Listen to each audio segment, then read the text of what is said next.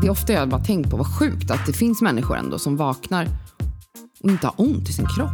Alltså så här, vilken sjuk grej. Alltså för mig är det ju, det är ju sjukt. Inte att jag vaknar och har ont hela tiden.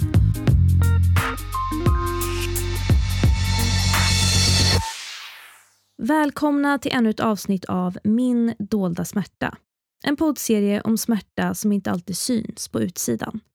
Allt ifrån dolda och kroniska sjukdomar till psykisk ohälsa, rädsla, skada, förlust eller beroende.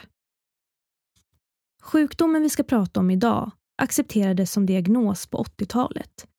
Men trots att hundratusentals människor i Sverige drabbas är sjukdomen fortfarande ifrågasatt inom vården och till stor del okänd för allmänheten.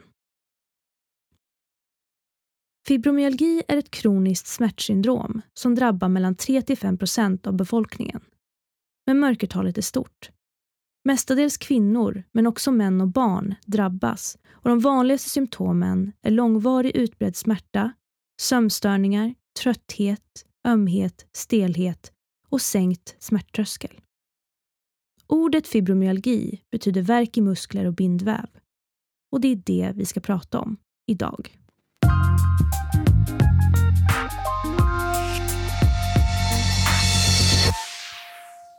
Poddare, modell, kattmamma och en sångerska med en otrolig sångröst och dessutom en viktig röst på sociala medier där hon både inspirerar och sprider kunskap. Min gäst idag pratar bland annat om att älska sig själv, kroppsaktivism och hur det är att leva med den kroniska sjukdomen endometrios och det kroniska smärtsyndromet fibromyalgi.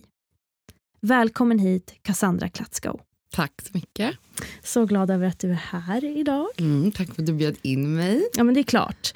Hur mår du idag? Eh, jag mår eh, ganska bra. Jag har eh, kommit in i ett smärtskov ganska nyligen, typ för två, tre dagar sedan. Och det var jättelänge sedan jag var där. Så det är lite som att Ja, det är som att jag, det är ganska passande då att vi ska prata om det här. För jag tänkte på när du frågade mig mm. att när jag inte är i särskilt mycket smärtor så har jag så svårt att typ prata om det. För det är som att jag glömmer hur det är. Förstår du vad jag menar? Ja, men jag förstår precis vad du menar. Och då var jag lite så här, speciellt, ja, ja, jag får väl försöka minnas. Och så tänkte jag på när jag gick hit och hade så jävla ont i hö hela högra höften. Att jag bara, det här är jättebra. Då, då, kan jag verkligen prata om det här. Vad bra att smärtorna kom, tänkte mm. jag då. Jättekonstigt sätt att tänka. Ja, det är bra att du kan prata om det, men det är tråkigt att du, att ja, du är i ett skov okay. just nu. Men det är, är det fibromyalgin eller endometrios? Vet du, jag vet faktiskt inte vad som är vad. Nej. De här två sjukdomarna är väldigt, de påminner väldigt mycket mm. om varandra i, i symptom. Så att jag, men jag tror att det är fibron, men ja, vem vet. Hur påminner de varandra? Ja, men endometrios kan ju ge dig smärtor i kropp och inte bara just livmoder. Du kan ju ha liksom ryggsmärtor, det kan stråla ut i benen och sådär. Eh, och fib min fibro är väldigt centrerad till rygg, ben. Eh, ja, så mm. att det är svårt att veta vad som är vad faktiskt ibland. Men känner du det här direkt på morgonen eller kommer det smygandes fram under dagen? Mm. Jag skulle säga att på morgonen är det alltid lite trög. Jag är väldigt stel på morgonen. Det är tydligen väldigt vanligt för fibromyalgiker. Är det ett ord? Jag eh, tror det. ja. Ehm, alltså att det är som att Tänk dig typ att du har suttit i skräddare du vet, och så blir benen lite stela, eller lederna typ blir lite stela. Kan mm. du förstå ja, vad jag menar? Ja, När du reser upp och så är det lite som att du måste få igång cirkulationen i benen. Kan du förstå den känslan? typ förstår. så är jag varje morgon. Så det är som att jag, lite, jag har lite ont i ben, fötter, eh, vrister. Ja, så det är varje morgon? Ja, det skulle jag säga. Men det mjukas upp. Det, jag behöver bara röra på mig lite så är det som att min kropp vaknar till liv. Men jag är stelare och har lite mer ont generellt på morgonen. Men sen kommer ju liksom min smärta kan komma av kyla, eh, den kan komma av träning.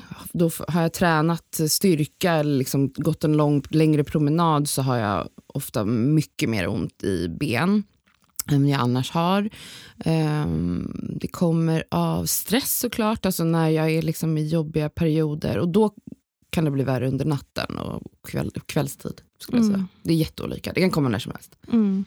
Och Det är också samma sak med endometrios, det triggas igång väldigt mycket av just stress. Och just endometrios är någonting som du och jag har gemensamt. Mm.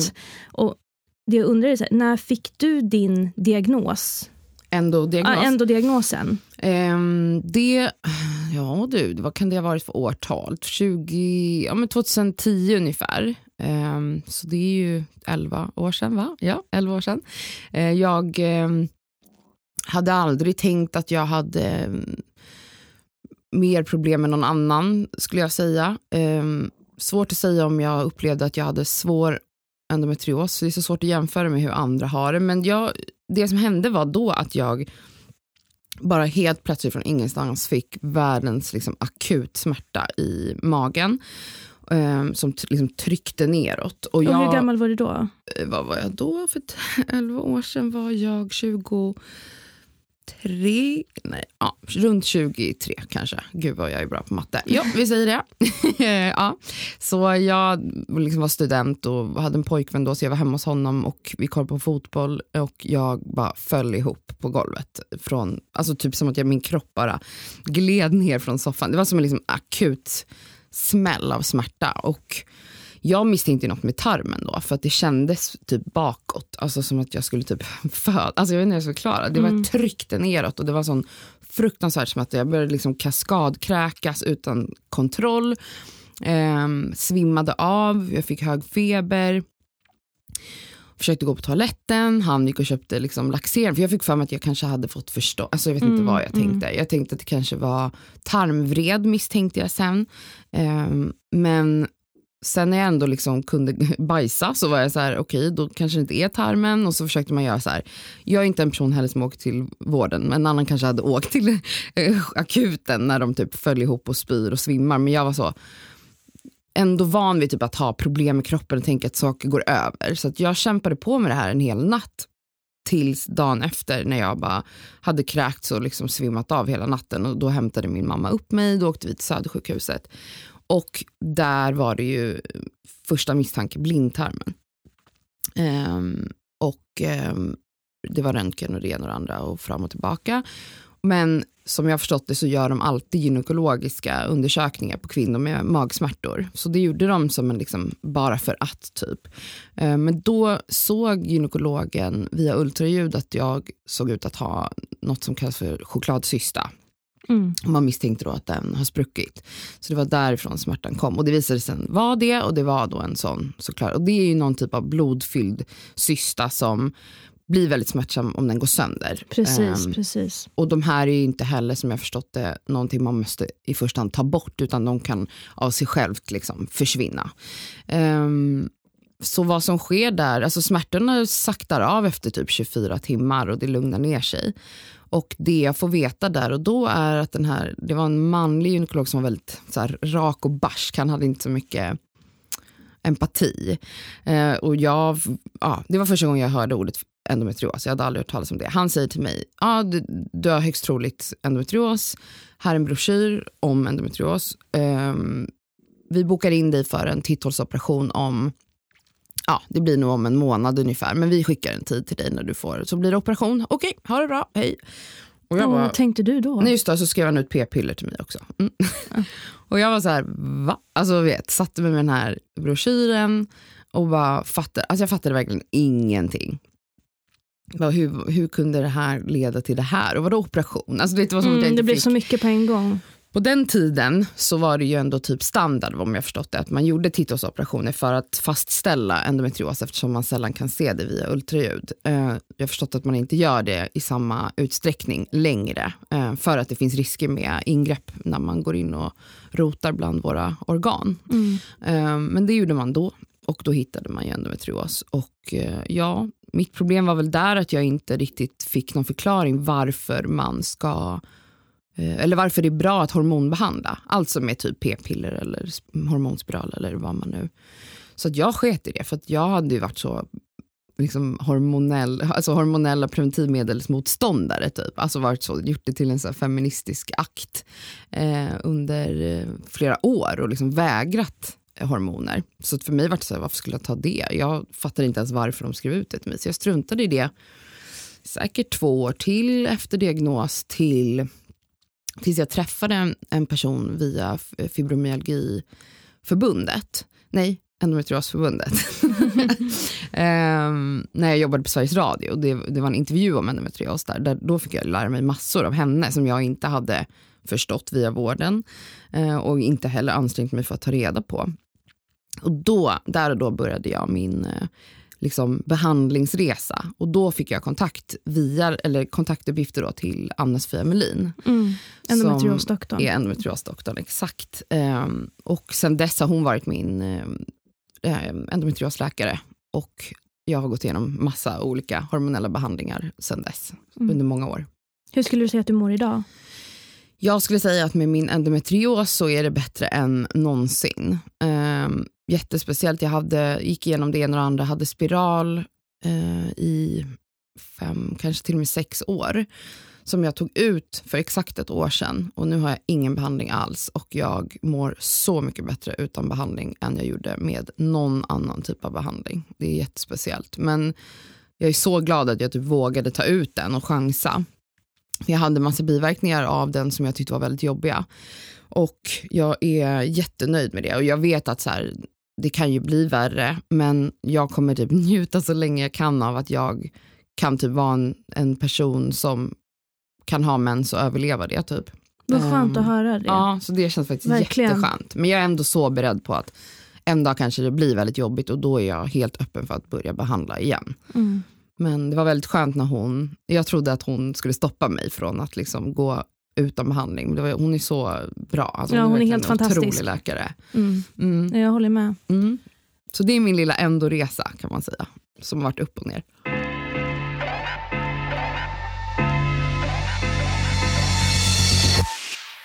Och när började din fibromyalgiresa? Mm. Ja, jag skulle säga så här, när jag fick min endodiagnos så tänkte jag att typ alla mina kroppsliga besvär kopplades till endometriosen. Det, det var typ min utslutningsmetod. Okay, jag har haft mycket smärtor i min kropp hela livet, jag har haft mycket huvudvärk, väldigt trött.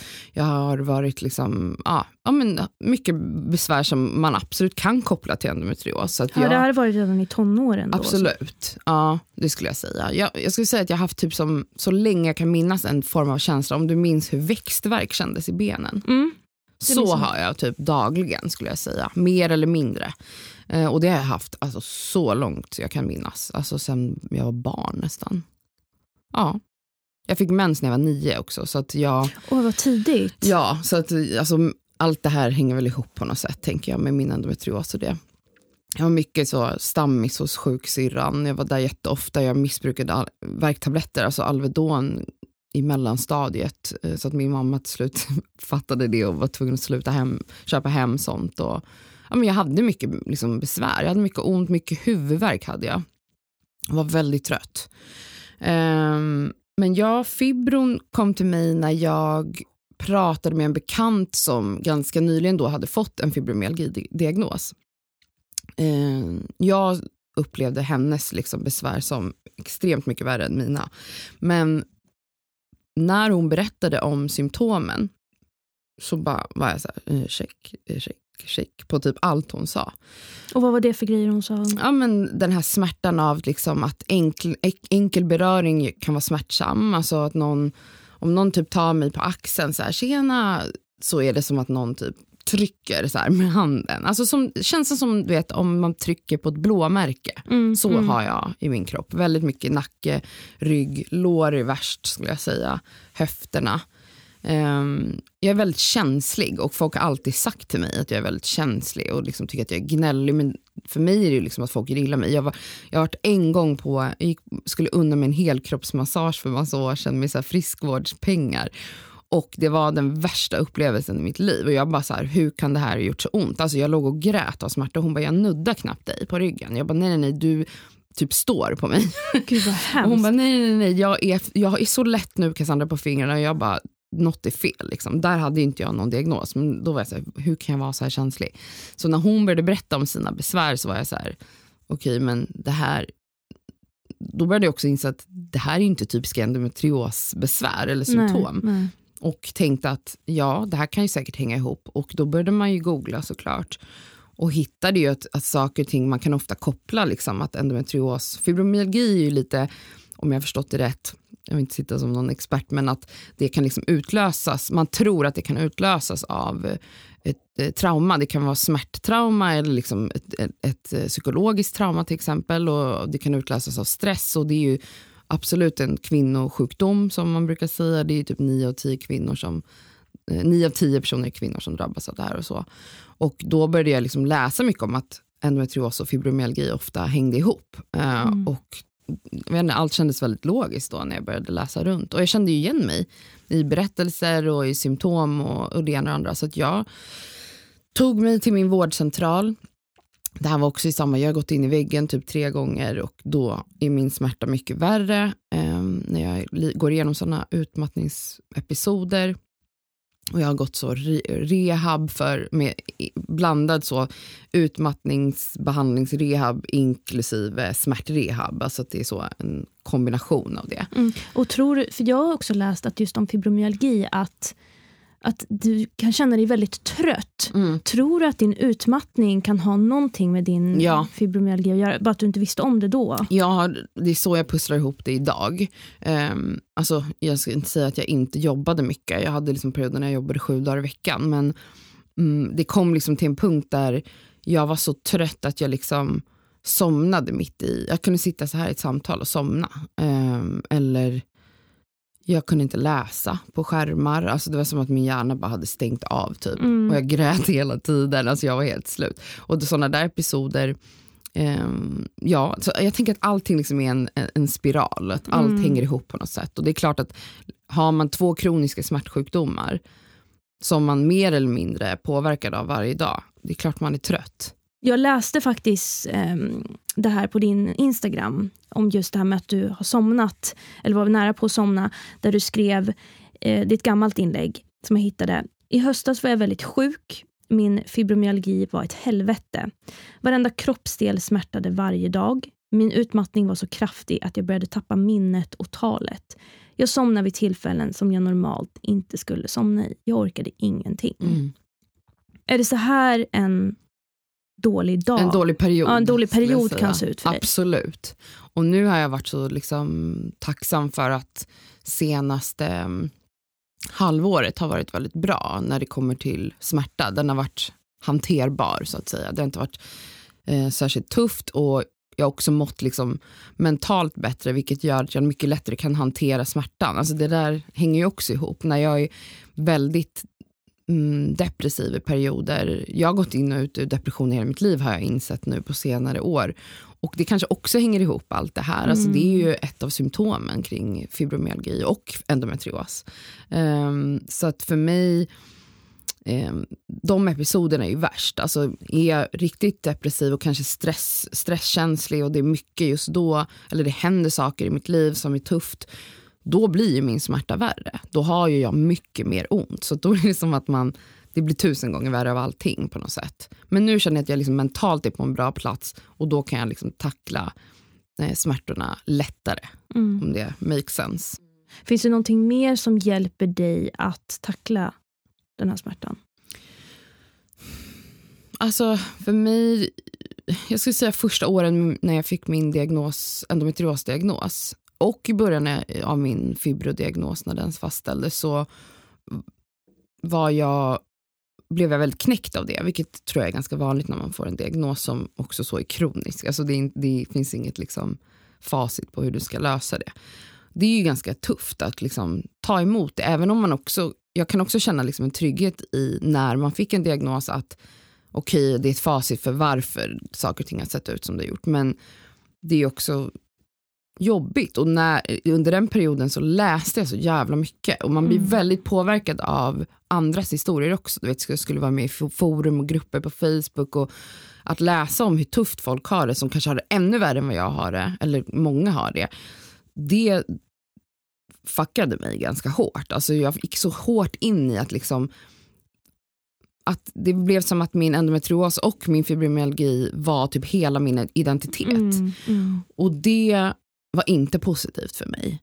Och jag säger inte så här, jag vill inte vara den som säger att så här, positive thinking gör dig frisk. Det är ingenting jag påstår, men jag tror ändå väldigt mycket på tankens kraft och, eller tanken, men du förstår, alltså så här, att, att vara i, att, för mig var det viktigt att inte bara vara mina diagnoser. Mm, jag förstår. Eh, och eh, liksom i det dagliga vardagliga livet så hjälper eh, ja, men faktiskt positivt mindset mig väldigt långt. Jag säger inte att det tar bort mina smärtor men jag kan hantera dem och för mig har jag en jobbig skov eller en tuff period så kan jag mycket lättare nu se det som att ja men det är ett skov och skov är något som kommer och går Mm. och då kan jag hantera det lättare än att eh, som jag kanske för några år sedan kunde hantera ett skov som att det nästan kändes som att det, nu är det så här för allt. Alltså jag, det vart väldigt mörkt liksom.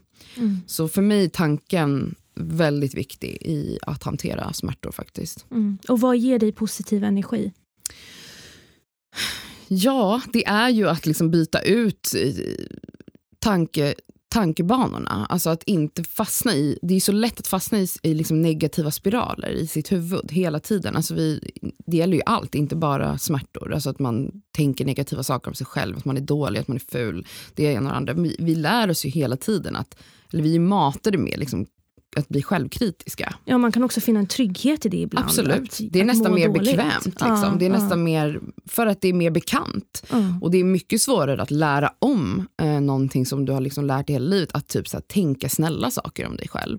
Så jag försöker bara balansera. Sen är det klart att jag har perioder när jag är jättenegativ och arg och det ena och det andra. Men jag försöker verkligen typ möta negativa tankar med två positiva. Alltså Mm. att jag liksom försöker så. Och det har kommit ganska naturligt senare år. Ehm, men vad andra saker som får mig att må bra. Alltså verkligen bara vara snäll mot mig själv. Alltså in, Mm. lär, lär, jag har lärt mig att säga nej till saker. Inte, jag måste ingenting. Alltså, har jag sagt att jag ska gå på middag med en vän och inte orkar det den dagen, då är inte det längre någonting som jag tvingar mig att göra. Utan då säger jag, idag är en dag när jag inte orkar, jag är ledsen, vi ses en annan dag. Och det Um, låter som en skitenkel sak men det var skitsvårt för mig Ja, jag för några det. år sedan. Alltså att jag skulle vara överallt, vara på varenda liksom, tillställning, varenda event, varenda... Jag skulle, vara alla, jag skulle känna alla, alla alltså det är dränerande. Speciellt när man är en person som har ont i sin kropp också hela tiden. Så ja, nej, att säga nej och eh, vara snäll mot sig själv, alltså det är väl det.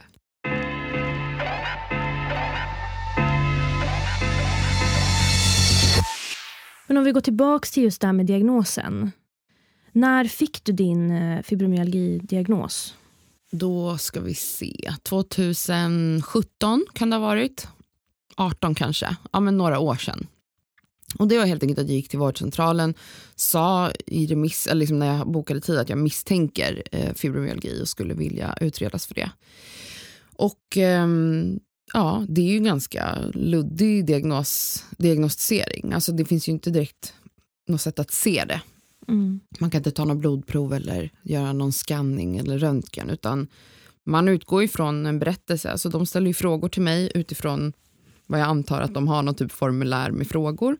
Och sen så gör de som typ punkttester där de trycker på, man ska ju ha haft ont i regelbundet liksom i mer än tre månader i en, en kriterie och sen är det att du ska ha ont både på höger och vänster sida och liksom fördelat egentligen rakt igenom kroppen. Alltså att det inte liksom bara är en, centrerat till en del av kroppen utan att det kan förflytta sig.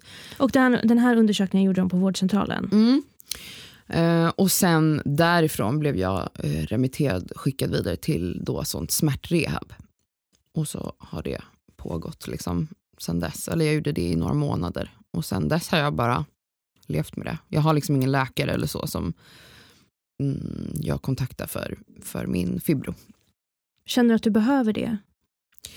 Nej, för det finns ju inte jättemycket att göra. Eller så här, jag, jag, vet, jag, jag förstår att det finns folk som säkert lider betydligt mycket mer än vad jag gör av sin fibro. Då har man ju säkert behov av smärtlindring och man kan ju få så friskvård på, vad heter det, på intyg och sådana grejer. Det fick jag utskrivet ett tag och då gick jag på så vattengympa typ för att det är så snällt. Det är också värme vilket är väldigt bra mot smärtorna. Men nej, alltså jag känner att jag, jag vet, jag kan den här, den här smärtan och ja, har lärt mig hantera den på det sätt som funkar för mig. Typ. Mm. Mm. Och det här just med eh, kunskap kring sjukdomen. Hur mycket visste du om fibromyalgi när du pratade med din vän till exempel som berättade om sina symptom? Då visste jag typ ingenting. Alltså jag hade ju Mm. hört talas om det. Eh, men absolut inte insatt. Eh, så ja, men det var faktiskt hon som pushade mig att att försöka, eller att ta kontakt med vården. För hon var så övertygad om att jag hade samma problem Mm. när vi, efter vårt samtal.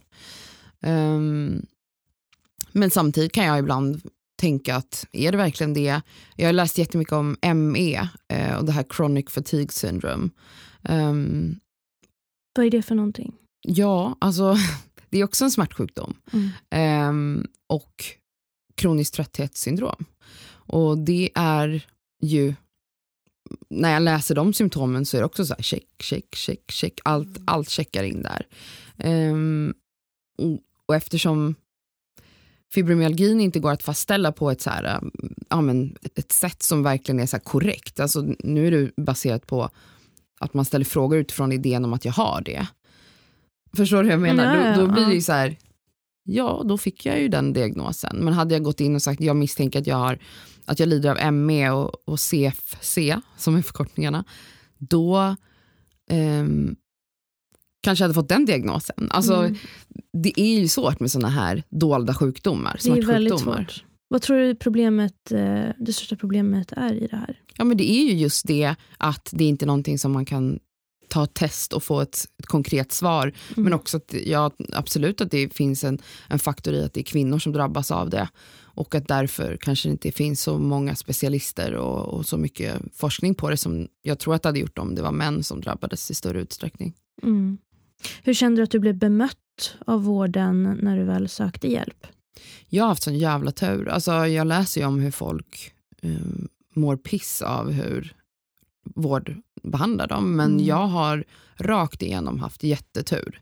Alltså visst den här första manliga gynekologen som, han, ja, alltså, han var inte otrevlig och han var, gjorde sitt jobb. Liksom. Jag, men, jag kanske inte heller är så känslig, jag vet inte. Men jag, hon, min läk, husläkare på vårdcentralen, fantastisk person, jätteempatisk. Alltså, du vet, när jag satt där och grät, det var så att hon fick tårar i ögonen. Alltså, det är ju så här, Mm, mm. jag kände verkligen att hon lyssnade på mig och trodde på mig. För att, att komma liksom och prata om diffusa smärtor kan ju verkligen vara en grej som folk avvisar som hypokondri också. Alltså jag har växt upp med eh, vänner och familj som har typ hånat mig för att jag alltid gnäller. Alltså att det alltid varit så att det är alltid någonting med dig, ja ja ja. Alltså Ja, men det där kan jag verkligen känna igen. innan jag hade en diagnos. Liksom, att det var så här, ja det är alltid mest synd om dig. Alltså, så och jag har ju själv tänkt, ja, men då är jag väl bara en känslig jävel eller så är jag hypokondriker. Alltså, jag vet inte, det kan man ju vara. Folk är ju det. Så jag är väldigt tacksam att jag har haft tur inom vården och träffat personer, läkare som har trott på mig och lyssnat på mig och Mm. därför skickat mig åt rätt håll. Ja, och det är väldigt bra. Alltså jag blir glad över att höra att du har fått den hjälp som du behöver. Och jag tror också mycket grundar sig i just det här det du säger, att så här, känna sympati och lyssna och ta in. Mm. Och inte bara slussa någon vidare, utan verkligen så sätta sig ner och försöka förstå vad det är du mår dåligt utav. Mm. För att det värsta som finns är ju den här skammen Exakt. när du söker vård och så blir du avvisad. Ja, Och det, är tyvärr väldigt vanligt idag. Det är fruktansvärt. Jag, jag vet inte om det har hjälpt mig att jag också har varit väldigt typ förberedd inför Mm, sådana här möten. Mm, mm. Ehm, att så här, jag har verkligen läst på, jag vet, eh, jag vet liksom vad jag pratar om när jag kommer dit. Typ som att jag ska på läxprov. Alltså jag är nästan på den, alltså så där är när jag går till min terapeut också, att jag ska vara så, ha en färdig liksom, analys av mitt problem. Och hon skrattar alltid åt mig. Men jag tror att det har säkert hjälpt mig också att jag är så bra på att typ kommunicera. Att, att det kanske har varit en fördel för mig och då lyssna. Alltså förstår du? Man Mm, måste, det, är så, det är svårt att komma till en läkare och förklara sina besvär. Alltså det är det ju. Det, är- det är sant.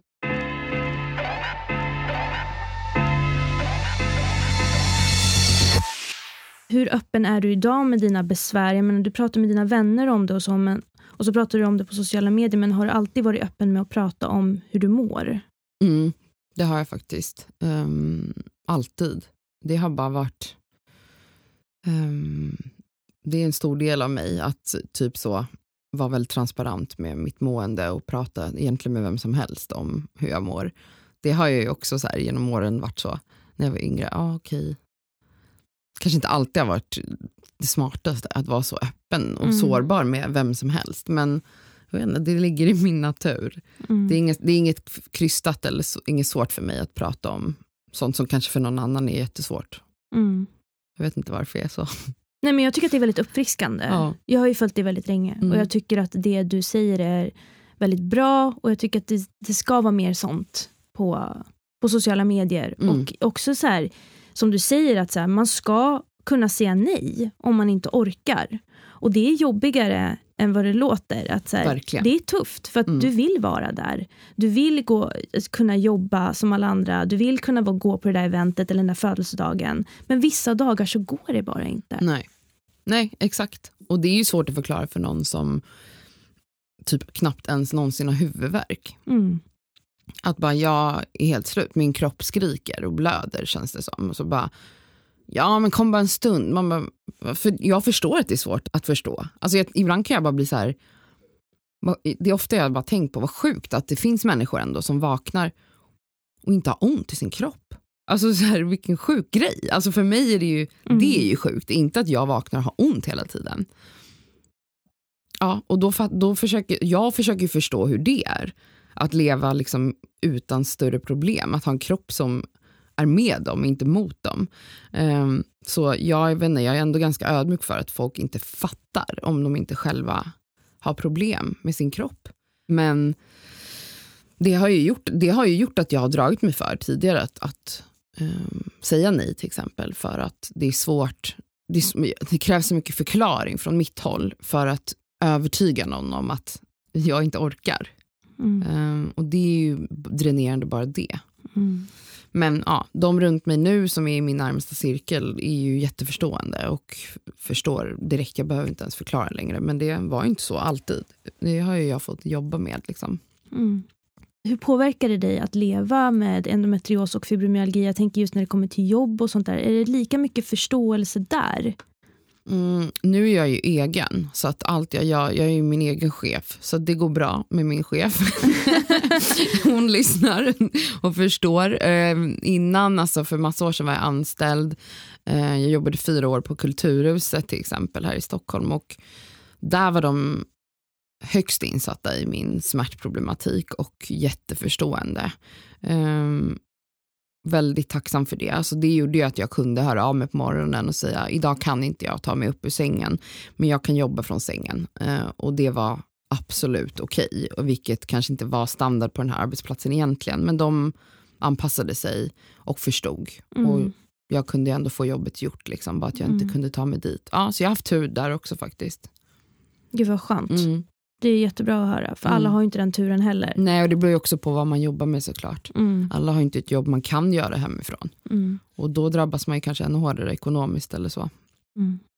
Och hur kommer det sig att du blev egen? Är det på grund av det här eller finns det någon annan anledning? Ja, jag, i och med min utmattningsdepression, den senaste då, ehm, och att min eh, anställning eh, inte förlängdes, så tvingades jag in i någon slags egen värld. Alltså jag, jag såg det som en längre sjukskrivning, fast jag var inte sjukskriven. Um, jag hade som tur var sparat ihop ganska mycket pengar så att jag kunde leva på sparade pengar under ett halvår. Och jag var, hade ju så eh, en enskild firma. Nej, hade jag det då? Nej, jag, jag har nog bara så här använt sådana här faktureringstjänster som finns och gjorde ju lite så småjobb ibland. Jag har jobbat med min Instagram i flera år och eh, eh, jobbat som körsångerska med lite olika artister och sådär. Så att jag hade liksom småjobb som jag kunde göra lite då och då. Men jag gick ju från att jobba 150% till 20. Eh, och klarade mig för att jag hade sparat pengar. Och sen, ja, jag tvingades in i eget företagande för att jag var så utmattad under den perioden så att jag, alltså, tanken på att söka ett jobb, det var helt överväldigande. Jag kunde inte ens tänka mig dels att någon, en för, en, ett företag skulle förstå mig, att jag skulle behöva Mm. hitta en ny plats där de typ respekterar hur, hur jag mår och hur, hur jag kan jobba.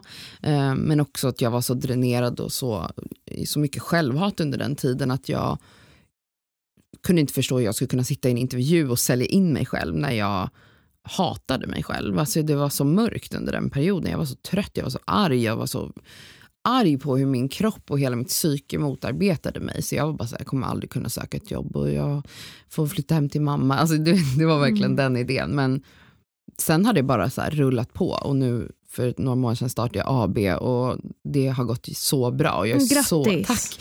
Och jag är så jävla tacksam att jag typ tvingades typ in i egenföretagarlivet för att det är verkligen det bästa som hänt mig på riktigt. Alltså att styra min tid själv, att eh, ja, ha kontroll över hela, alla bitar. Jag älskar ju det. Alltså jag Mm. vill vara min egen chef. Det är fantastiskt faktiskt. Jag hoppas jag kan göra det så länge det bara går.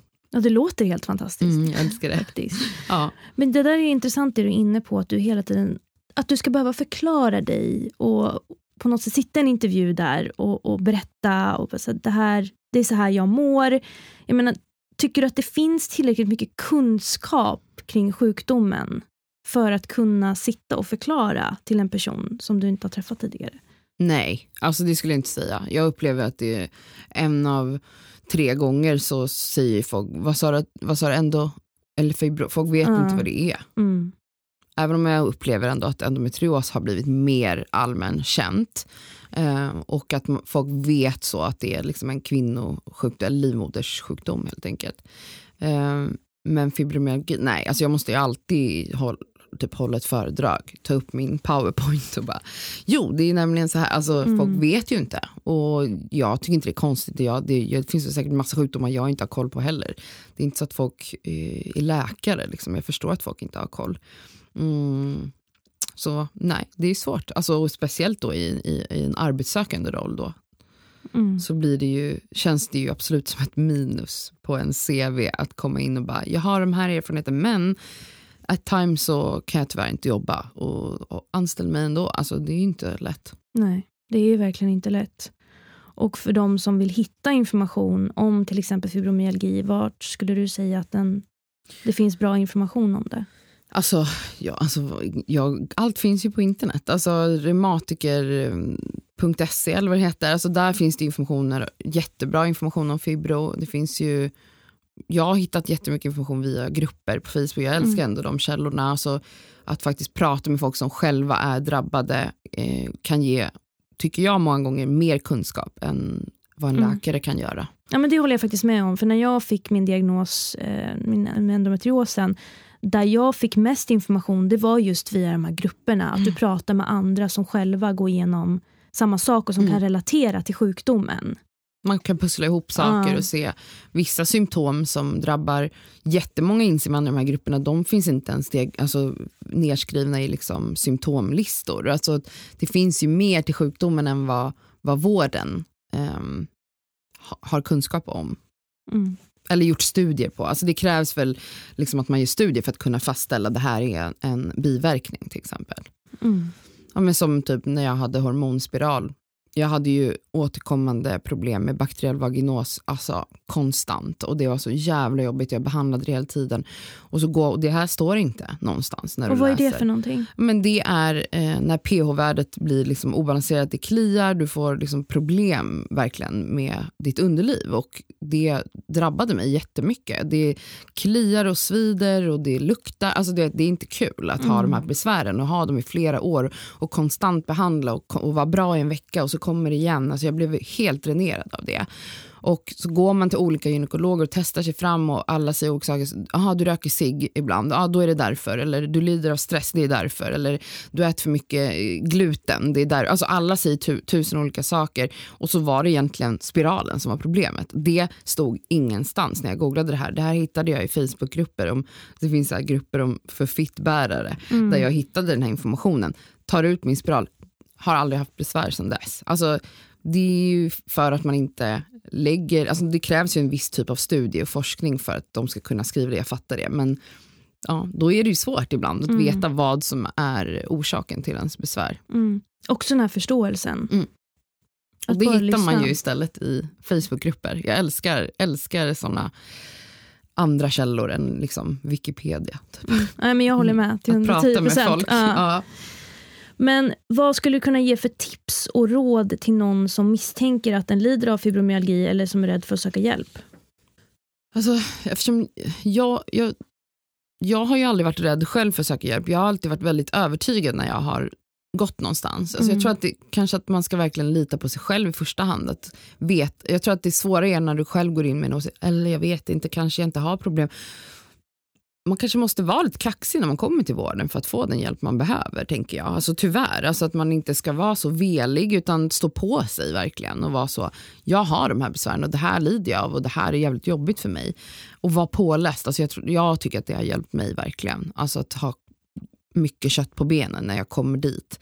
För att inte kunna bli avvisad av en läkare. Liksom. Men träffar du någon som känns helt osympatisk och inte alls lyssnar på dig, ge inte upp. Alltså. Gå någon annanstans då. Kräv att träffa någon annan. Alltså, det är din rättighet.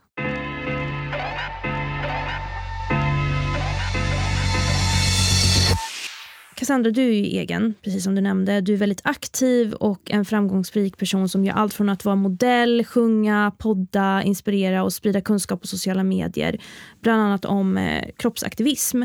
Vad brinner du mest för att göra av allt det du gör? Ja, vad brinner jag mest för? Jag brinner för, liksom, jag vet inte. Just nu, alltså det där är ju väldigt eh, flytande skulle jag säga. Det är perioder. Just nu är jag har en egen podd som heter Discover. Det är liksom mitt huvudfokus just nu. Kroppsaktivismen har jag helt avslutat och lämnat bakom mig. Ehm, så det brinner jag inte alls för längre. Varför då? För att jag tyckte det blev helt urvattnat. Alltså, mm, det tappade, det gick från liksom eh, en viktig kamp för personer som är marginaliserade, alltså tjocka personer som inte har samma rättigheter i samhället till att vara smala tjejer som pressar fram valkar och eh, pratar om att älska sig själv. Alltså för mig är det så mycket större än vad du tycker om dig själv. Det handlar om att alla ska ha samma rättigheter, att få Mm. samma vård, samma typer av, alltså alla ska ha samma rättigheter till att kunna söka jobb. Alltså tjocka människor diskrimineras i alla, alla delar i samhället, speciellt inom vården. Eh, och där kände jag att nu är inte kroppsaktivismen politisk längre utan det är bara yta. Alltså det handlar bara om yta och det bidrog jag själv till i många år och jag störde mig mycket på hur det har blivit bara. Det känns urvattnat och hela idén om att älska sig själv känns också som en ganska hög kravställning på människor. Att, att preacha för att man ska älska sig själv. Jag önskar egentligen att vi, om någonting var neutrala till våra kroppar, att vi inte la så mycket vikt vid våra utseenden och eh, ja, motsatsen av det helt enkelt. Mm. Inte för att jag inte bryr mig själv, alltså man är ju en, produkt av det här samhället. Men jag vet inte, jag kände verkligen att jag gjorde slut med kroppsaktivismen för några, två, ett, två, ett, två år sedan, kanske ett år sedan. Och det är jätteskönt. Vad vill du hellre prata om idag?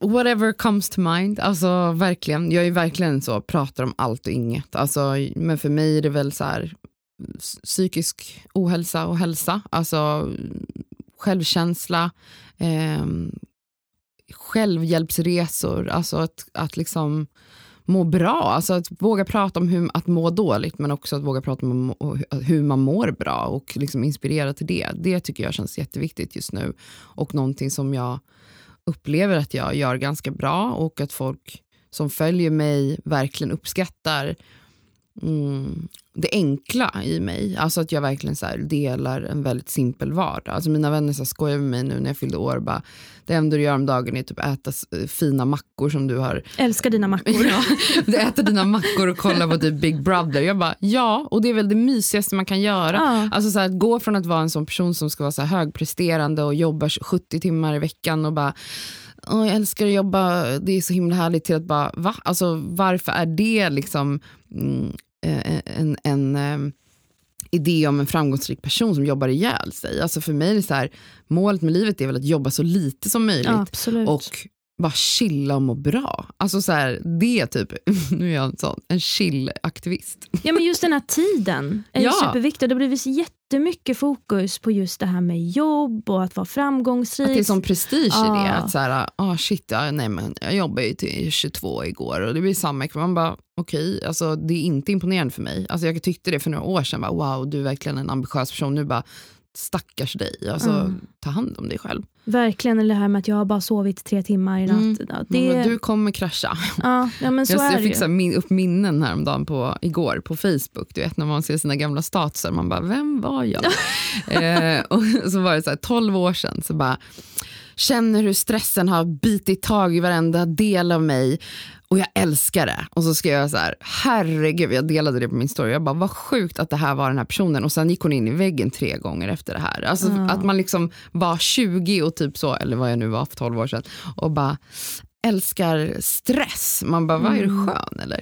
Du är inne på någonting väldigt, väldigt intressant där. För att sociala medier kan ju verkligen vara en källa till psykisk ohälsa. Det är väldigt mycket intryck som, som tas in och man jämför sitt liv med andras och saker och ting ser väldigt perfekt ut och det här hetsen kring likes, följare, att ha ett, en stressig vardag, att vara framgångsrik. Det är ju liksom en, en bubbla som Mm. vi lever i, som på nå- någonstans blir någon slags verklighet Mm eh, för de som är i det. Påverkas du någonting av den här bubblan? Nej, men det har säkert med ålder att göra och allting. Alltså jag är 34. Hade jag varit 10 år yngre eller 15 år yngre eh, idag så vet jag inte alls. Jag hade väl mått skit förmodligen. Som man gjorde då, men då var, hade man inte alls lika mycket Alltså då var man påverkad av sin sfär, alltså personer som typ gick i skolan med. Nu är det en hel värld av människor som du följer som ehm, ger dig ångest över det ena och det andra. Och skapar, folk skapar ju liksom, eller vissa lever väl också liv som är så helt extravaganta och härliga. Och man tänker att det är så alla, alltså när jag pratar med unga personer, alla är så här, jag vill bli influencer när jag blir stor. Ja, alltså det är liksom där vi är typ. Mm, mm, Och då är jag det själv. Alltså jag jobbar ju som influencer. Det är ju en stor del av mig. Liksom. Det är vad jag gör, stor del av min tid. Men det var ju inte liksom, någonting som jag ens jobbade mot. Alltså det blev så. Och då, Mm. då var det för att jag gick från, jag växte ju på Instagram på grund av min kroppsaktivism. Men har ju dragit mig ur den. Ehm, men jag tänker att, ja jag vet inte, jag känner mig inte så påverkad av den biten. Ehm, och tänker att jag också är en, en motvikt mot det genom att så här, vara helt jävla vanlig. Alltså sen är inte jag, jag fattar, jag lever inte ett vanligt liv. Alltså att vara influencer är inte everyday people's lives. Liksom. Men jag är ändå en helt vanlig person som är hemma, eh, gosar med mina katter och eh, gör mina mackor och kollar på tv. Alltså det är vad jag gör den mesta tiden. Liksom. Och det delar jag på min Instagram. Och då sitter jag och gråter till Sveriges yngsta mästerkock igår kväll. Alltså det är sånt jag gör på min Instagram. Istället för att så här, visa upp något så här flashigt liv. Det tycker jag är bra. Men tror du man kan göra något för att undvika att må dåligt av sociala medier? Ja, alltså, det som är fantastiskt med sociala medier är att man styr sina egna flöden, mer eller mindre. Och du bestämmer ju själv vem du följer. Mm. Och är det så att folk ger dig ångest eller att du känner att du känner dig otillräcklig eller blir negativt påverkad av någon du följer, då är det ganska enkelt, det är bara att följa. Man måste ju ta ansvar själv för vad som triggar en också, alltså att ta bort sånt som, som man känner skadar en och skapa en, en sociala medier sfär och bubbla som är mysig och härlig istället, som får en att må bra. Mm. Det är key, tänker jag. Verkligen. Mm. Och vad finns det för positiva saker med sociala medier tycker du?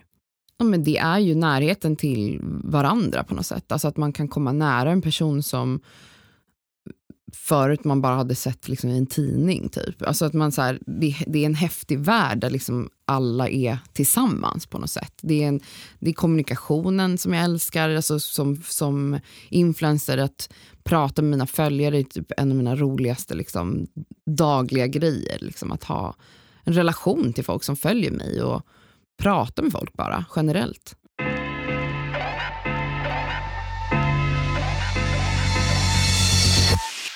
Men om vi ska prata framtid då. Mhm.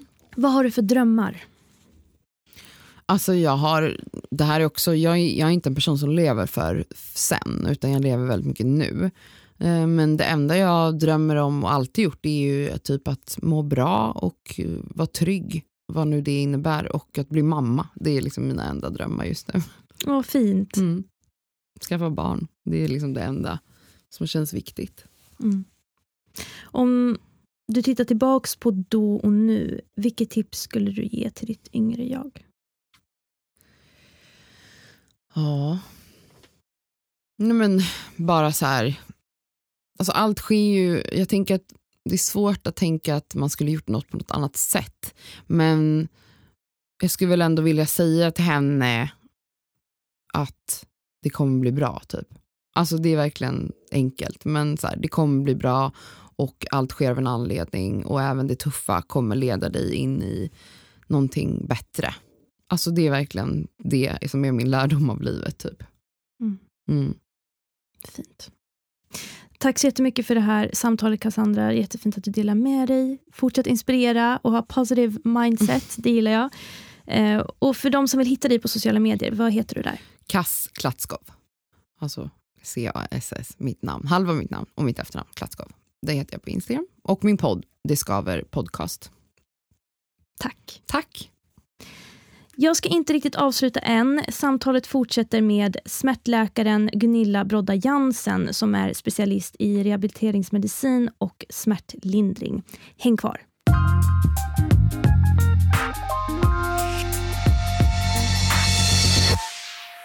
Vår expert i veckans avsnitt är inte bara docent och specialist i smärtlindring.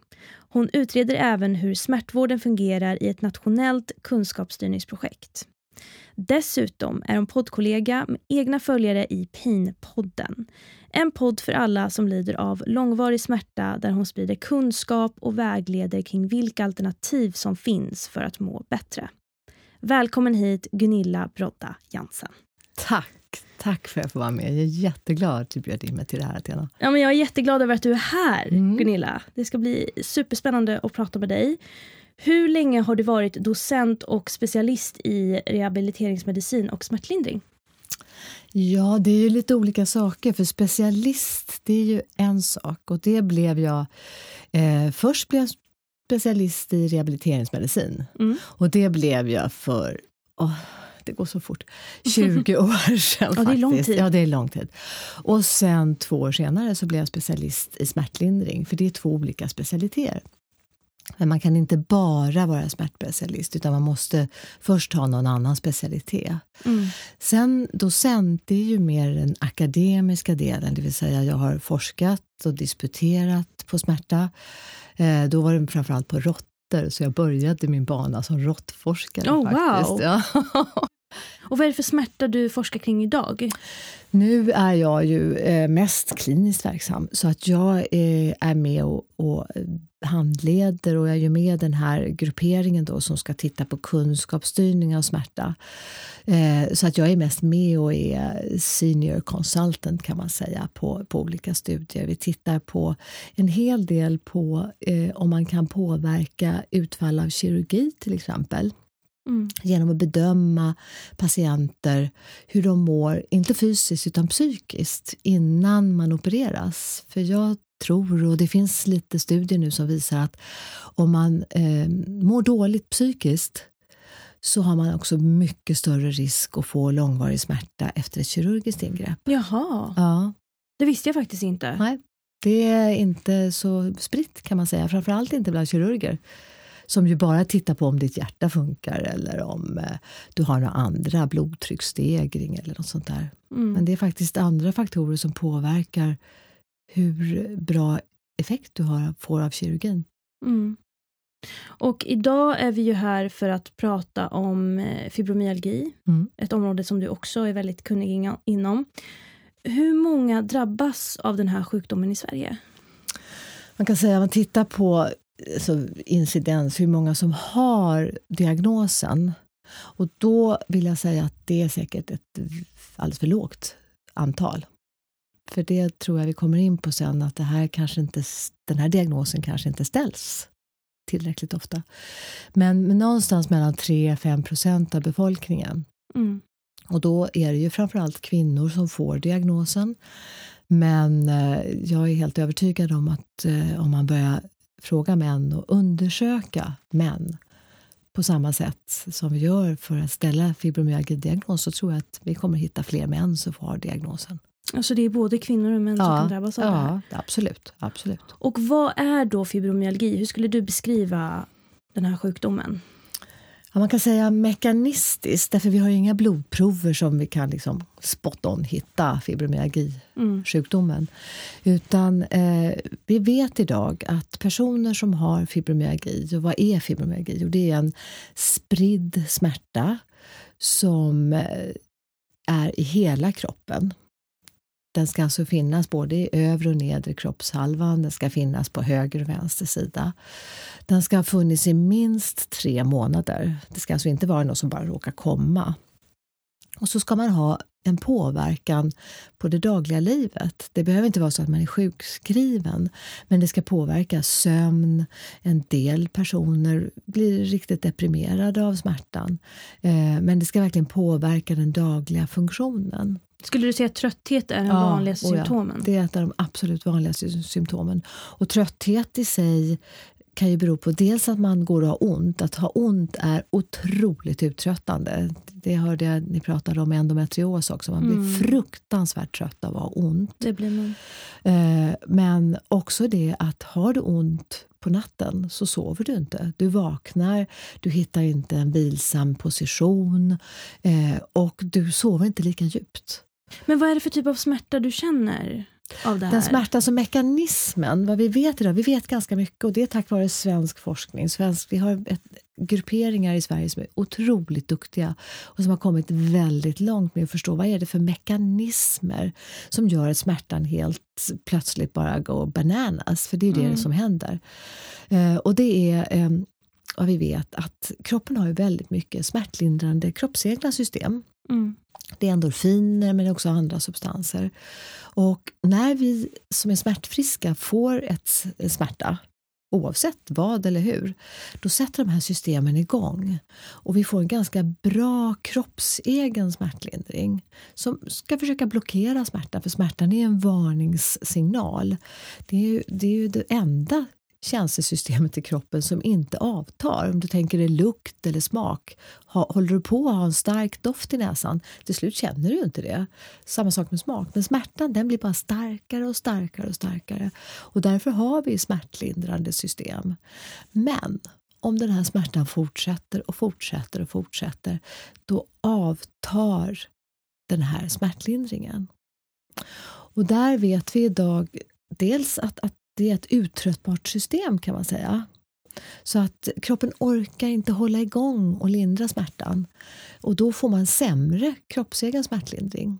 Och då får man ju såklart mer ont och man blir mer känslig. En fibromyalgipatient eller en person med fibromyalgi är ju känslig för tryck på ett sätt som inte alls vi smärtfriska är. På vilket sätt då menar du med tryck? Ja, man, om man trycker med tumme mot en muskel eller ett senfäste så reagerar en person med fibromyalgi mycket, mycket tidigare än en person som inte har fibromyalgi.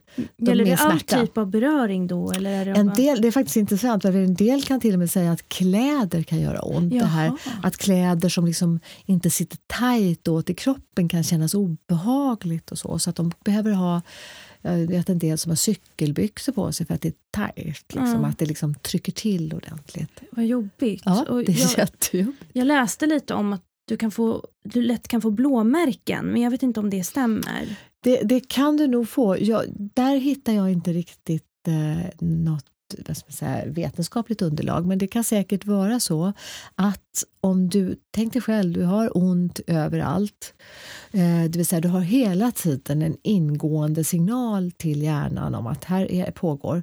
Du kanske inte märker att du slår i på något annat ställe då, därför att du har ont. Om du är en dag, för det är så också med fibromyalgi, den smärtan flyttar den rör sig. Ena dagen har ont i axlarna, mm. andra dagen har ont i höften, tredje dagen har ont i ryggen.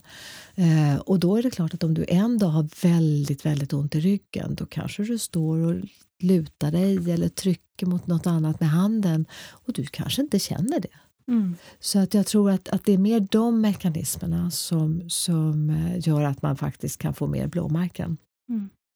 Men det finns också, för att avsluta det här, nu återigen svenska studier som visar att det kanske faktiskt till och med finns ärftliga faktorer till att vissa personer har lättare att få fibromyalgi. Jaha. Och det är ju intressant och det är en viktig fråga tycker jag när jag träffar människor med ont. Att det, hur ser det ut i din släkt? Hur har din mamma eller hur har din mamma det, din pappa? Har de ont? Och det är inte sällan som man får reda på det att ja, min mamma hade ju faktiskt också väldigt mycket smärtor. Ja, för de som inte vet vad fibromyalgi är så kan det vara också ganska svårt att veta varför man har ont. Mm, mm. Det kan ju bero på massa andra Ja, ja. saker. Och som du har haft i de andra avsnitten, det här att man blir ju inte trodd och det syns ju Nej. inte. Det syns ju inte på endometrios, det syns inte på fibromyalgi heller. För det kan ju vara så himla lätt att säga sök hjälp. Men när du inte vet vad det är du söker hjälp för och inte heller får någon respons Ja. Och blir avfärdad, Mm. då blir det ännu svårare. Och jag, menar, jag, jag läste ju medicin för väldigt länge sedan, i början på 80-talet, men då var det ju så. När man pratade, de enda gångerna man pratade om smärta på utbildningen och pratade om fibromyalgi, då var det SVBK, sveda, värk, bränning, kärring. Sa de så? Japp. Det gjorde man. Oj. Ja. Så att det, det har ju, därför vill jag säga att det har hänt en hel Ja, del. ja. Men eh, därifrån till att eh, ställa diagnos, där är vi nog inte riktigt framme. Och, och med det sagt så man är ju inte klar. Det, det tycker jag många av personerna som kommer till mig säger att ja, sen fick jag min diagnos och sen fick jag gå hem. Mm. Och, och man är ju liksom inte klar när man bara har satt en diagnos. Det är då jobbet börjar, eller hur? Ja, men hur... hur för så här, det är det här jag inte riktigt förstår. Det går inte att sätta en diagnos. Jo. Det går att sätta en Ja, diagnos. då. oh ja. Oh ja. Och hur gör ni det? Ja, vad vi gör då, det är ju lite, måste man ju fråga, man måste ställa lite ledande frågor. Det vill säga man måste fråga hur länge har du haft ont? Var har du ont? Hur ont har du? Och vi använder ju så här visuell analogskala som kanske, det är ingen rocket science på något sätt, men det är, det är en subjektiv upplevelse. Det är ju du som har ont som, som ska säga hur ont du har. Och för att försöka få någon slags objektivt så använder vi en skala från 0 till 10 eller 0 till 100. Och då får personen säga hur ont de har. Eh, och det ska ju vara en väsentlig smärta, det vill säga det ska inte vara 10 eller så, utan du ska ligga över 5 för att det ska vara en väsentlig smärta. Eh, och sen så tycker jag eh, att man oavsett faktiskt vilken smärta man söker för så ska man ha möjlighet att fylla i en smärtteckning, det vill säga en gubbe eller en kvinna som man ska skissa var någonstans på kroppen man har ont.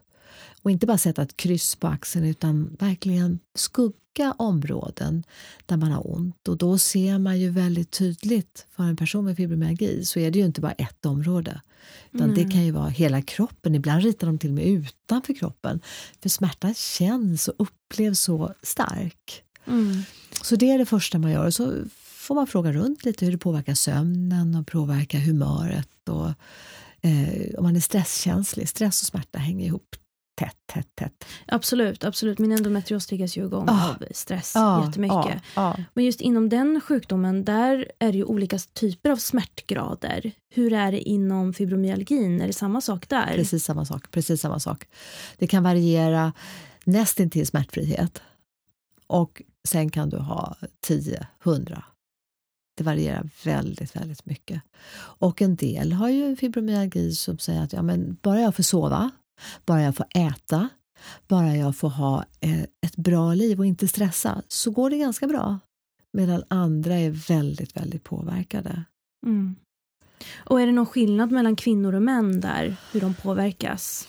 Du, det, det är en jättebra fråga och jag är, vet inte. Det finns nog inte så mycket studier på det här och studier utförs oftast på kvinnor. Det är ju en tanke att vissa personer är, har lättare för att utveckla ett långvarigt smärttillstånd. Och i framtiden så, det pratar vi väldigt mycket om idag, att kartlägga våra genom. Man kan ju skicka in lite tops och så kan man få kartlagt ganska mycket idag, eller hur? Mm. vilka risker för cancer Mm, eller mm, andra mm. kroniska sjukdomar. Det kanske kan vara så att vi i framtiden faktiskt kan topsas för att se om man är en person som har högre risk att utveckla långvarig smärta. Men vi vet idag ganska mycket om att har man en hög eh, ångestnivå till exempel, hög katastroftanke vid, om man till exempel råkar ut för en bilolycka och får en whiplashskada. Om man har mycket katastroftankar och oro och ångest efter den här skadan eller olyckan, då har man också större risk att få långvarig smärta mm. eller whiplash. Kan det också utvecklas från en annan typ av kronisk smärta? kan det säkert göra. Det här är också en, en fråga som, som, diskuteras ganska mycket. Och ofta börjar ju fibromyalgi inte bara som det blossar upp i hela kroppen utan ofta så, så börjar det ju med att man har ont i nacken.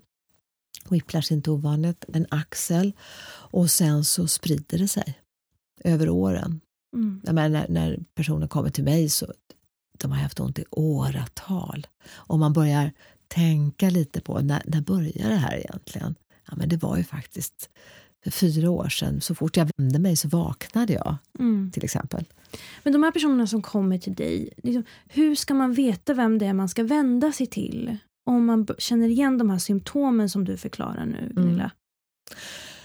Jag tycker det här är en av de viktigaste frågorna tycker jag i den här kunskapsstyrningsorganisationen som jag sitter med i. Det är att eh, sprida kunskap. Vi vet ganska mycket, det var därför jag startade Painpodden. Mm. Därför vi vet ganska mycket. Och Sverige har varit och är fortfarande ganska mycket kunskaps... Vi kan ganska mycket om smärta och mekanismer. Men organisationen för smärtvård är ganska dålig i Sverige. Mm. Det finns liksom, det är lite fritt valt arbete, förstå mig rätt, men, men ett sjukhus som ju ändå, jag menar, akutmottagningen tar emot ganska många personer som kommer med endometrios, inte minst skulle jag säga. Mm. Eh, ländryggsmärtor, eh, buksmärtor, alltså det, det är ju därför man söker ju för smärta. Men det står i de flesta sjukhusavtalen så står det inte vilken typ av smärtvård ska just det här sjukhuset bedriva. Nej. Det står inte. Det är lite fritt valt arbete. Det bygger på kanske en entusiastisk, ofta sjuksköterska som säger Nej, men nu ska vi ta tag i det här. Väldigt, väldigt lite. Så att du, du behöver kanske inte ha en smärtmottagning om du inte vill. Mm. Och så skulle man ju aldrig säga om diabetes till exempel, eller hur? Nej. Du är en vårdcentral. Ja, vi kanske inte, vi kanske inte ska ta emot diabetes här. Så skulle du aldrig, du skulle inte få patienter. Mm. Men personer med långvarig smärta oavsett orsak skulle jag säga eh, är väldigt tåliga. Så du menar att de inte, alltså, det inte prioriteras? Nej, det prioriteras mm. inte. Det är inte något nödvändigt. Jag har hört, nu vet jag inte om det stämmer längre, men jag har hört att i Australien till exempel, där får du inte bedriva primärvård utan att om en person har varit sjukskriven i en eller två veckor på grund av ett smärttillstånd oavsett vilket, då måste du i alla fall göra en liten mer utvidgad undersökning och lite mer eh, börja titta på Ja, det kanske inte är bara doktorn här. Vi kanske ska plocka in en sjukgymnast eller behöver vi ha in en sjuksköterska, en distriktssköterska som ska följa upp det här. Mm. Hur funkar arbetet? Ja, för jag känner att det är egentligen inte patientens ansvar att få rätt hjälp. Nej, jag, jag tycker att det är samarbete. Det, det är samarbete. Ja. Det, är, det, är liksom, det hänger inte bara på en person. För men om patienten tar steget att faktiskt söka hjälp då måste ju du också veta vart du ska vända dig sen. Precis, absolut. Jag är helt enig. Helt enig. Och jag hörde din podd och jag hör ju de som jag träffar eh, säger att de har sökt och de mm. har sökt och de har sökt och de har sökt. Eh, och i alla fall inte upplevt sig betagna på allvar. Istället så tycker jag, eh, och jag hade med Tobias Wirén i ett av mina poddavsnitt som är ortoped och eh, arbetar inom Capio-koncernen, eh, att vi är väldigt snabba med antingen receptblocket mm eller att skriva remisser till röntgen och ultraljud och andra specialister och så. Och vi kanske ska hålla oss lite lugna, för det där är kostsamt. En röntgenundersökning, MR-undersökning kostar flera, flera tusen. Men det kanske är faktiskt så att vi ska undersöka personen. Tänka lite mer, vad kan det vara för mekanismer som gör att den här smärtan kvarstår och har spridit sig? Ja, för det är det vi måste mm. prata om för att förstå. För jag tyckte också när jag hörde någon i din podd som faktiskt hade fått massa smärtläkemedel. Men det, man måste ju veta varför Ja. ska jag ta de här? När ska jag ta de här? Och vad, för, vad är förväntad effekt av smärtläkemedel? Och just det här med att också inte bli dumförklarad. För det där är ju extremt vanligt tyvärr. Jag kan prata ur egna erfarenheter att när jag sökte vård när jag var tonåring. Jag visste ju inte vad det var jag lider utav. Eh, och att då få höra att så här, nej men lilla gumman det är bara lite mensvärk, gå hem och ta en tablett. Och när det är en läkare som säger det till mig, vem är jag som då ska ifrågasätta, också i så ung ålder? Ja. Och det här är tyvärr väldigt vanligt Ja. än idag, att många känner sig väldigt ehm, nej men de känner att de inte får den hjälp de behöver. Nej. Och det här är nog väldigt vanligt just när det kommer till smärta, precis Mm. som du säger. Mm. Och det måste ju ske en förändring Ja. där. Jag har ett avsnitt som kommer nu om buksmärtor i Painpodden Mm. där eh, just det, vi diskuterar det. Att eh, istället för att... Jag tror att, att det i all välmening kanske ibland, inte alltid, men ibland att man vill säga men det här är inte farligt, det här är inte någonting. Men vad man ska göra istället är att diskutera vad, vad tänker du själv? Vad, vad, vad ska vi, alltså, för man måste vara ödmjuk för att långvariga smärtor, att göra en person smärtfri, vi kan nästan, nästan aldrig det. Mm. Vi kan det om vi söver ner en person. Men, men vi är också lite handfallna. Men vi kan ju göra mycket för att förbättra situationen. Vi kan göra mycket för att diskutera jag pratar mycket mekanismer, men det tycker jag är viktigt. Mm. För förståelsen, hur kan smärtan ha uppkommit? Och framför allt så måste man ju ta den på allvar. Absolut. Det är, det, det är så viktigt. Och det hör jag också hela tiden. Och just när det kommer till fibromyalgi, vad är det bästa man kan göra för att lindra den smärtan? Finns det något, Ja, det finns faktiskt ganska mycket man Mm. kan göra, skulle jag säga. vad finns det för behandling? Alltså behandlingen är ju symptomatisk. Det vi, vi har idag inget toppenläkemedel som bara skit, slutar. Det söva ner i så fall. Men eh, man eh, jobbar ju ofta i team när Mm. man har en, en fibromyalgi som påverkar funktionen och vardagen och jobbet. Mm. Och då eh, brukar, det finns ganska bra studier, också svenska studier, som visar att rätt fysisk aktivering, och jag vill trycka på rätt, därför att många eh, personer, kvinnor med fibromyalgi, de, en bra dag då går man ju ut och ja, man ger järnet, man liksom gör massor med saker. Och sen är man en dösill nästa dag. Eh, så här gäller det att få en, eh, en hjälp med pacing, det vill säga att, att eh, göra en lagom aktivitet som ändå ger eh, en kroppsegen endorfinfrisättning som ger en bättre kondition och det behöver inte vara i timmar. Eh, vi vet idag eh, ganska mycket om att ganska korta fyspass kan påverka och ge en smärtlindring, kroppsegen smärtlindring. Och kan du påverka dina muskler så att de fungerar bättre, och jag säger inte bygga, jag menar fungerar bättre, det vill säga aktivera, vi har ett muskelminne som, som hela tiden går till hjärnan, så har du också möjlighet att sluta belasta felaktigt, för det gör man ofta när man har fibromyalgi. Man har ont i en axel, ja, då tar man allt med andra axeln. Man har ont i ryggen, ja, då går man som ett block. Mm. Så att här finns det jättemycket att göra med en, en duktig fysioterapeut som kan smärta. Mm. Gärna som har smärtkompetens. Sen finns det en del läkemedel som vi använder och naturligtvis så använder vi ju ja, paracetamol eller Alvedon och vi använder Ibuprofen, alltså i- Ipren och sådana här läkemedel och de ska man ju ta inte hela tiden. Jag har ofta personer som kommer till mig som tar tre Alvedon, har gjort det i flera års tid. Därför någon har sagt det någon gång. Men man måste ju alltid utvärdera var- varför tar du de här och hur tar du dem? Och så, prov, så jag brukar nästan alltid sätta ut allt först och sen börjar man från början med Mm. bra kontroll på vilka läkemedel man sätter in och när. Och då kan man säga med Ipren, Alvedon, Naproxen. Det ska man ju ta om man till exempel ska göra någon fysisk aktivitet som man är orolig eller vet att det här kommer göra lite mer ont. Men det är en kontrollerad fysisk aktivitet. Eller en lustfylld fysisk aktivitet som man tycker om att göra, för det är också viktigt. Man Måste ju se till att fylla på sin påse lite. Och då kan man ta den medicinen. Mm. Så det ska man inte ta hela tiden. Mm.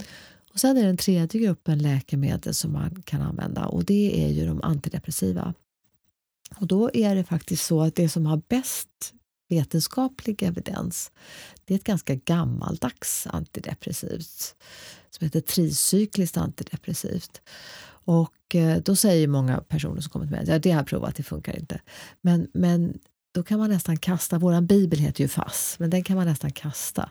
Därför att det gäller att väldigt individanpassa den doseringen. Varför ska man ta antidepressiv? Därför att det är, vi tror att eh, det påverkar de här kroppsegna serotoninerna. Och serotonin är ett ämne som är inblandat i den kroppsegna smärtlindringen. Och eh, har man långvarig smärta eller depression eller långvarig ångest då orkar inte man kan säga man kör slut på sig. Man ork, kroppen orkar inte producera de här ämnena därför att vi hela tiden behöver mycket. Mm. Och då gör, använder man de här eh, läkemedlen för att höja den kroppsegna serotoninnivån. Just med seroten eller tricykliska så använder vi ofta väldigt små doser. Så effekten är lite oklar vad det är som verkligen händer när vi använder det här läkemedlet. Vi tar det på kvällen Mm. och det gör vad många kvinnor säger det är att de, smärtan kanske inte blir mycket, mycket bättre men de sover bättre.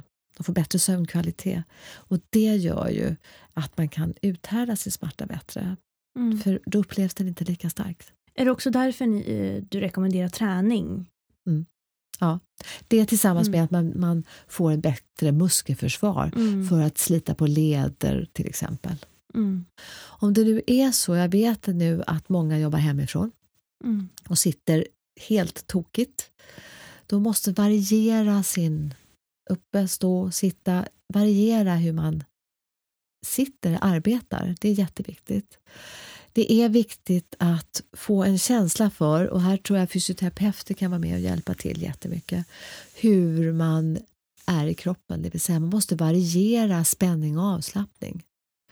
Det är nästan alltid så att när jag undersöker personer, jag slår reflexer och kanske inte för jag tror att det ska vara något fel på nervsystemet, utan för att se en persons reaktion när jag slår en reflex. Därför för att få fram en reflex i armen eller i benet, då måste man vara avslappnad. Mm. Men när jag slår reflexer, då kan personen sitta med armen ute så här och säga, ja då ska du slappna av.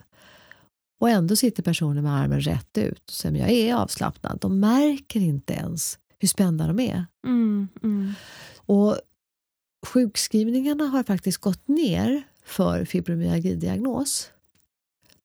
Eh, nu under pandemin? Nej, utan sista, jag skulle säga, från 2010 till 2020 så har antalet personer som är sjukskrivna eller sjukskrivningsdagarna på grund av fibromyalgidiagnos har gått ner.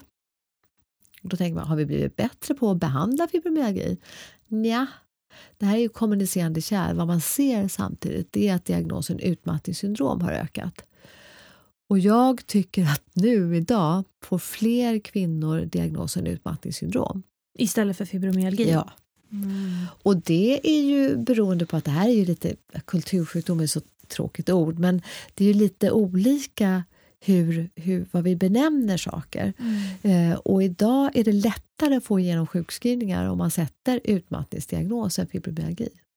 Oj då. Mm. Och då är det klart att då skjuter vi ju Ja. diagnosen Och hur fram ser och du på tillbaka. det? Ja, det är därför jag menar att diagnosen är inte allt. Och jag vet att personer Mm. som har långvarig smärta, de vill ju ha en diagnos. För vad går man och tänker? Att det är cancer eller att man har någon reumatisk sjukdom? Det är klart att man går med sådana tankar. Men jag vill verkligen, verkligen, så glad att få säga det här, att Mm. diagnosen är inte allt, utan det är eh, vad vi gör sen som är det viktiga för att må bättre på sikt. Men om vi säger så här Gunilla, om du skulle gå ur din läkarroll och bara titta med andra ögon. Skulle du säga att det finns tillräckligt mycket information kring fibromyalgi idag? Nej. Kort svar. Jag, behöver, jag kan gå i och ur läkarrollen Mm. och jag svarar nej. Det finns för lite kunskap. Eh, det finns för lite, för lite verkstad kring eh, personer med långvariga smärtor som är så spridda. verkligen. verkligen. Vad behöver förändras? Kunskap, eh, att upptäcka, det har Mm. du varit inne på, att upptäcka smärta. Och då skulle inte jag säga att upptäcka, för personen söker med smärta. Mm. Utan det är ju att höra vad personen säger. Och man har pratat om att skapa smärtenheter, för det, det tycker jag är en, en, eh, den mest intressanta tanken faktiskt. Det är ju att ha lite större smärtenheter som både har smärtkompetens och då ska det inte bara vara någon som är lite intresserad utan det ska vara riktigt bra teoretisk praktisk smärtkompetens Mm. eh, där det finns flera professioner men där man också plockar in gynekologer, neurologer, psykiatriker, reumatologer, kirurger så att man där kan få en plattform för att få en samsyn kring smärta. Mm. För, för jag är gift med en kirurg och, och vi har ju dagliga samtal om det här. Mm. Eh, och det är, det är svårt för en, en kirurg. Jag tror att de ser det, men det är svårt för dem att förstå att en person som har ont i magen där, person A, eh, och så som jag säger har gallsten till exempel, och så person B som också har gallsten. På röntgen ser det precis likadant ut. Men om person A har gallsten och fibromyalgi och person B har gallsten utan fibromyalgi så är det så svårt för kirurgen att förstå att person A kommer att uppleva operationen och smärtan i samband och efter operationen så mycket mer. Mm. Så mycket mer komplicerande och så mycket mer skräckenjagande än person B.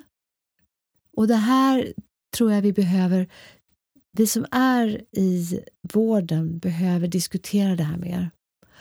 Eh, och jag tror att det här skulle spara, förutom lidande såklart, förutom det här stora lidandet, pengar. Mm. Därför att det, som du säger, du har blivit rundskickad, vi röntgar, vi skickar på ultraljud, vi opererar kanske ibland till och med lite för mycket.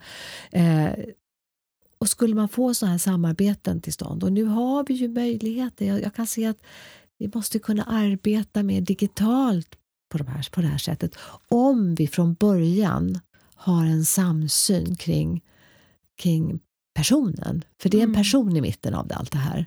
Absolut. Och vad är de största misstagen som görs då, just de, när det kommer till fibromyalgi? Just när det kommer till feldiagnosering och...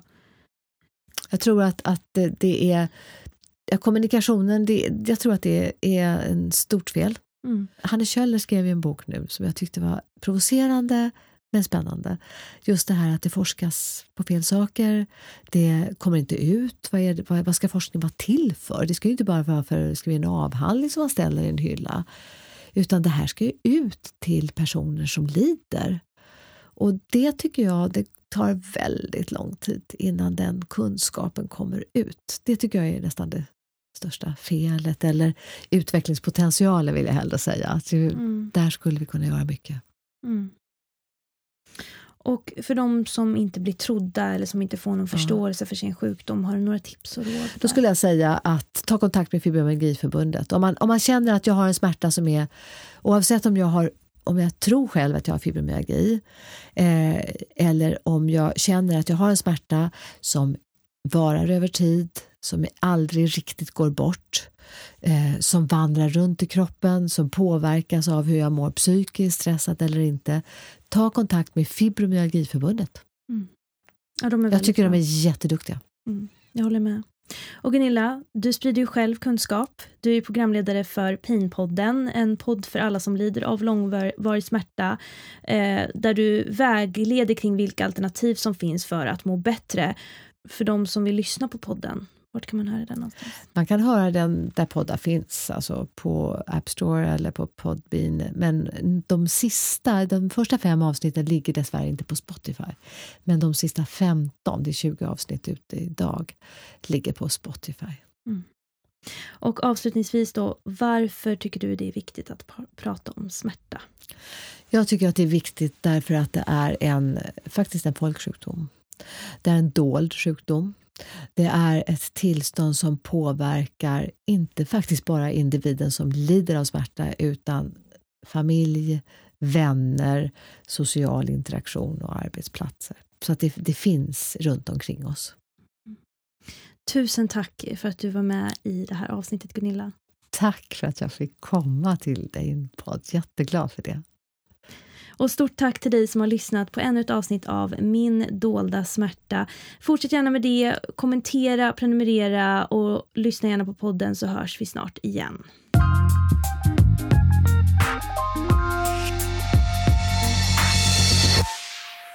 Jag vill tipsa alla er som misstänker att ni lider av fibromyalgi men inte begärt utredning om fibromyalgiportalen.se. Registreringen är kostnadsfri. Du behöver inte ha en diagnos för att registrera dig och det finns även en app tillgänglig för iPhone på App Store och för Android på Google Play. Den är också gratis. Portalen uppdateras löpande. Min dolda smärta spelas in hos Smile röster och ljudproduktion. Ljudtekniker Pontus Leander. Redaktör och programledare Athena Afshari. Regi Martin Forsström. Producent Andreas Segerfält. Programmet produceras av So You. Ett stort tack till alla som delar med sig och ger en röst åt dolda smärtor.